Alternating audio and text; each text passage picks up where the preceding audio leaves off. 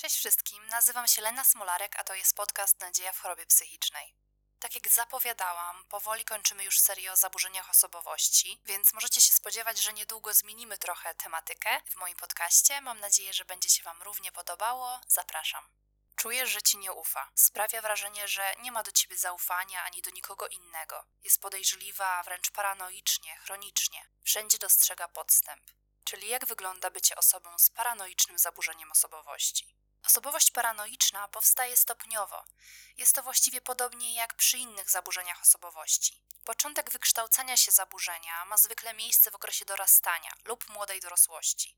Jeżeli chodzi o częstość występowania osobowości paranoicznej, to w populacji ogólnej bywa to oceniane różnie od połowy procenta do 2,5% ludzi. Zdecydowanie osobowość paranoiczna występuje częściej u mężczyzn niż u kobiet.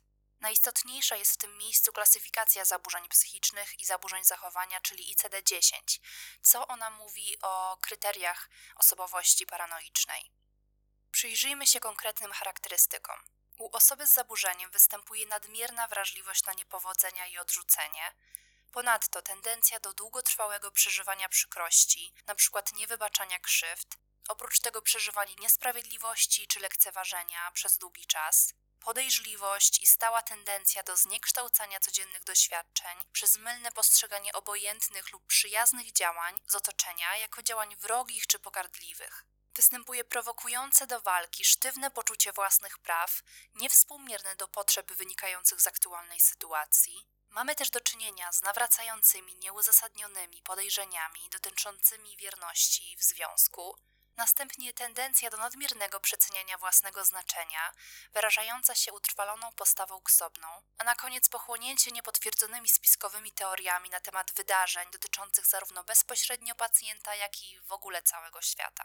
Wymienione przeze mnie kryteria w pewien sposób warunkują występowanie osobowości paranoicznej, ale tutaj uważam, że konieczna jest prawidłowa interpretacja tych wszystkich objawów, no i w związku z tym diagnoza psychiatryczna.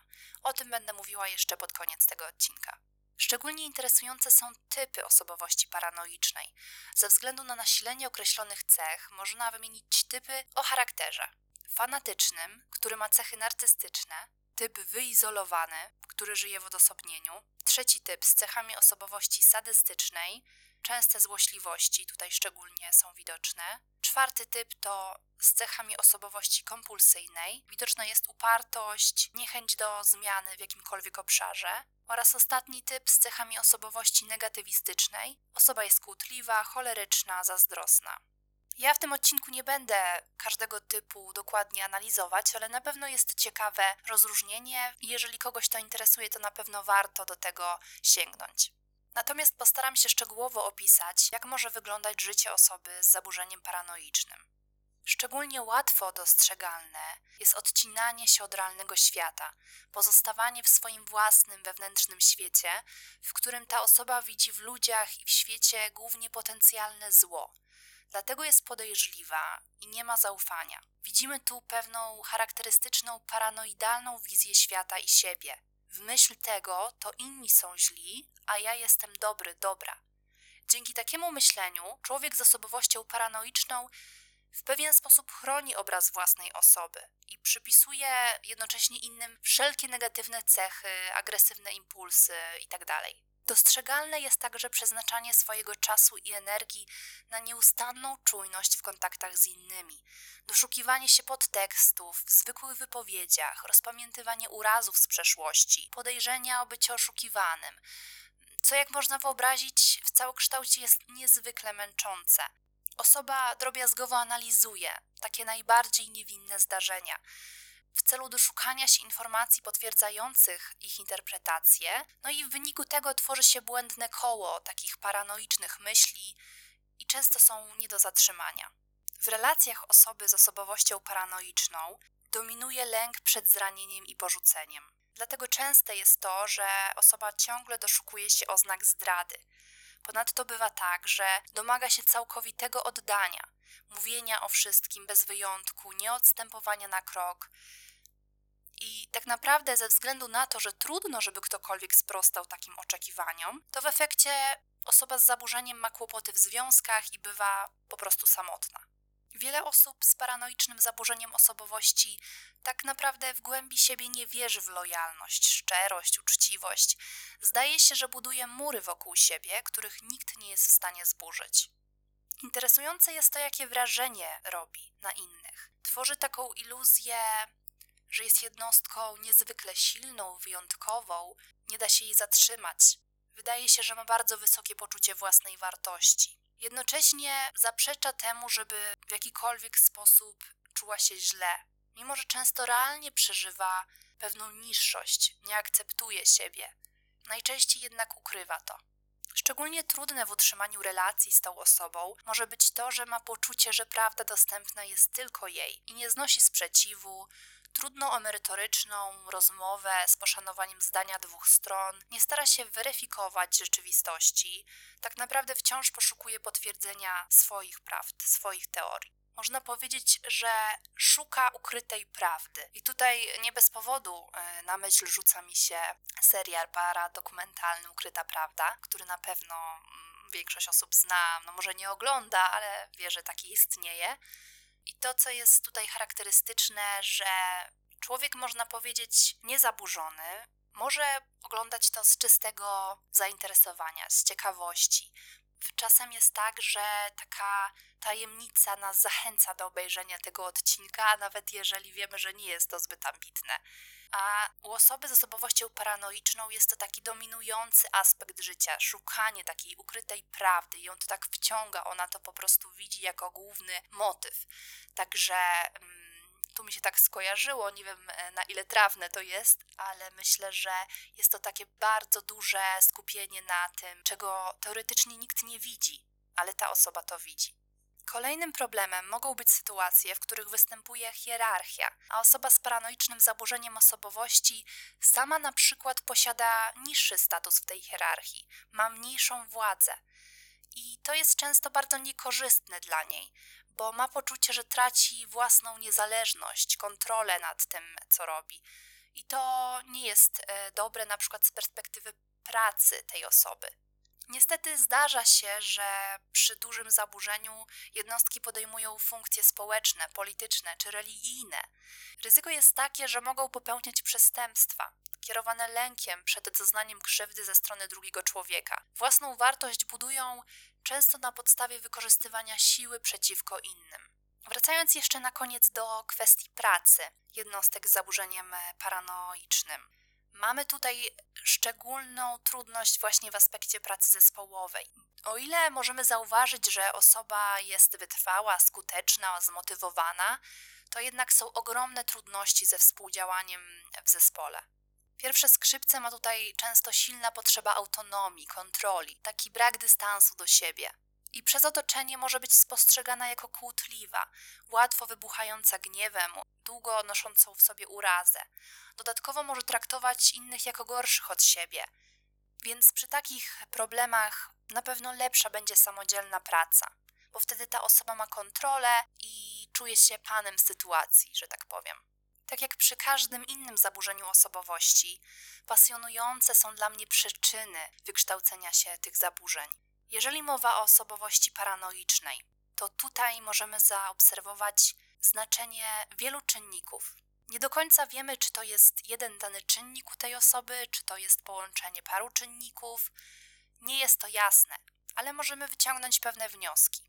Po pierwsze, sposób wychowania. Osoby wychowane w atmosferze lęku i podejrzliwości wobec najbliższego otoczenia i świata, które są stawiane w roli ofiary, wyśmiewane przez innych, mogą dostać wzorzec braku zaufania do drugiego człowieka i świata. Kiedy nie mają poczucia bezpieczeństwa, bliskiej osoby, która pomoże im poradzić sobie z emocjami, uczą się po prostu przeżywać świat w sposób paranoidalny. W skrajnych przypadkach są sadystycznie i okrutnie traktowane, wykorzystywane do własnych potrzeb. Zdarza się także przemoc. Osoba w dzieciństwie uczy się spodziewać w każdej chwili ataku i kary. Jest wyczulona na nieprzewidywalny atak, dlatego jest podejrzliwa, musi się chronić. Niestety tak to może wyglądać w przypadku wczesnych początków powstawania zaburzenia osobowości paranoicznej. Kiedy podejście psychodynamiczne i interpersonalne psychoterapii właśnie bardziej będzie się skłaniało do tego widzenia przyczyn w początkach życia, w dzieciństwie, to z kolei nurt poznawczy psychoterapii będzie dostrzegał duże znaczenie w sposobie myślenia, a konkretnie w dysfunkcyjnych przekonaniach myślowych. Według tego podejścia poszczególne cechy osobowości paranoicznej są przejawem określonych dezadaptacyjnych przekonań, które warunkują zachowania tej osoby. Jeżeli ta osoba ma w sobie przekonanie, że nikomu nie można ufać, należy uważać, żeby nie być wykorzystanym, ocenia świat jako niesprawiedliwy tylko i wyłącznie, to mówimy tutaj właśnie o tych schematach e, myślowych. To, co mnie tutaj zastanawia przy tym podejściu poznawczym, to na ile my możemy tak naprawdę na to wpłynąć. Na ile jest to trwałe, a na ile da się to zmienić, właśnie poprzez pracę na psychoterapii. Myślę, że o tym jeszcze pomówimy przy metodach leczenia. Kolejne dwa czynniki możliwe, jeżeli chodzi o powody powstania zaburzenia osobowości paranoicznej, to uwarunkowania dziedziczne, genetyczne oraz na koniec uwarunkowania biologiczne. Możliwe jest występowanie neurochemicznych nieprawidłowości w ośrodkowym układzie nerwowym. Zanim przejdę do metod leczenia osobowości paranoicznej, chciałabym się na chwilę zatrzymać przy rozróżnieniu osobowości paranoicznej, a zaburzeń urojeniowych o charakterze paranoicznym oraz schizofrenii paranoidalnej. Istnieją badania, które dotyczą genetycznej zależności pomiędzy tymi zaburzeniami, z których wynika, że paranoiczne zaburzenia osobowości częściej występują u krewnych biologicznych, co sugerowałoby, że mają tutaj znaczenie uwarunkowania genetyczne. Inne badania z kolei nie potwierdzają tej zależności lub widzą jakiś słaby związek. Istnieją też badania, w których widzimy silny związek pomiędzy paranoicznym zaburzeniem osobowości a zaburzeniami urojeniowymi. Nie musi być to koniecznie związane z schizofrenią paranoidalną. Wielu klinicystów podkreśla jednak, że pewnego rodzaju trudności w aspekcie zaburzenia osobowości paranoicznej mogą mieć w skrajnych przypadkach e, formę psychozy paranoidalnej. Jak widać, jest tutaj wiele pytań, i na pewno w nauce wciąż będzie dyskusja na temat tych różnych powiązań między poszczególnymi zaburzeniami a chorobami psychicznymi. Nareszcie na koniec temat leczenia osobowości paranoicznej. Jak przy wielu innych zaburzeniach osobowości, o których już mówiłam, często osoby nie szukają same pomocy, co jest dodatkowym problemem, bo najskuteczniejsze leczenie jest wtedy, kiedy dana osoba sama chce tego, sama realnie się stara, żeby być w lepszej e, formie, podejmuje wysiłek.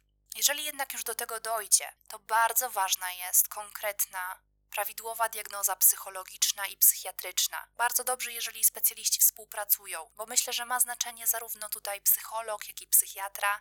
I kiedy jest taka pełnowymiarowa diagnoza, to łatwiej po prostu wykluczyć inne zaburzenia psychiczne i realnie zdiagnozować zaburzenie osobowości paranoicznej. Przy diagnozie ciekawe jest również to, że w niektórych postaciach paranoicznych zaburzenia osobowości mogą występować objawy lęku uogólnionego, zaburzenia psychosomatyczne, zaburzenia obsesyjno-kompulsyjne, których na przykład obsesyjną treścią jest uraza, rzekome lekceważenie, niewierność. Ponadto z badań wynika, że osoby z zaburzeniem paranoicznym mogą nadużywać amfetaminy, alkoholu, kokainy i innych narkotyków.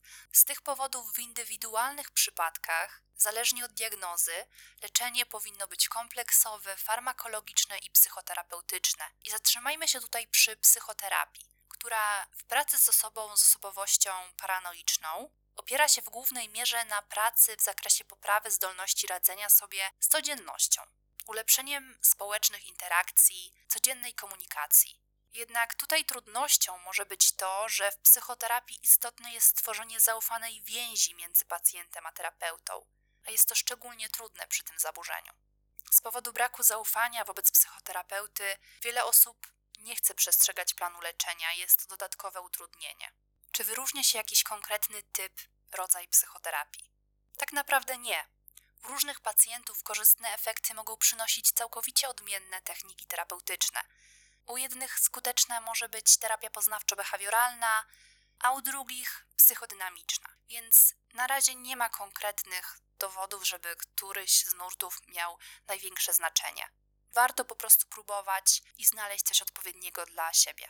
Na koniec farmakoterapia która może wspierać psychoterapię, jednak nie powinna być głównym czynnikiem w drodze do zdrowia. Wszelkie leki przeciwlękowe, antydepresyjne, przeciwpsychotyczne mogą wspomagać pacjenta, kiedy zaburzenie idzie w parze z innymi problemami natury psychicznej, ale nie powinny być głównym punktem odniesienia. Dziękuję Ci bardzo za wysłuchanie dzisiejszego odcinka. Do usłyszenia za tydzień.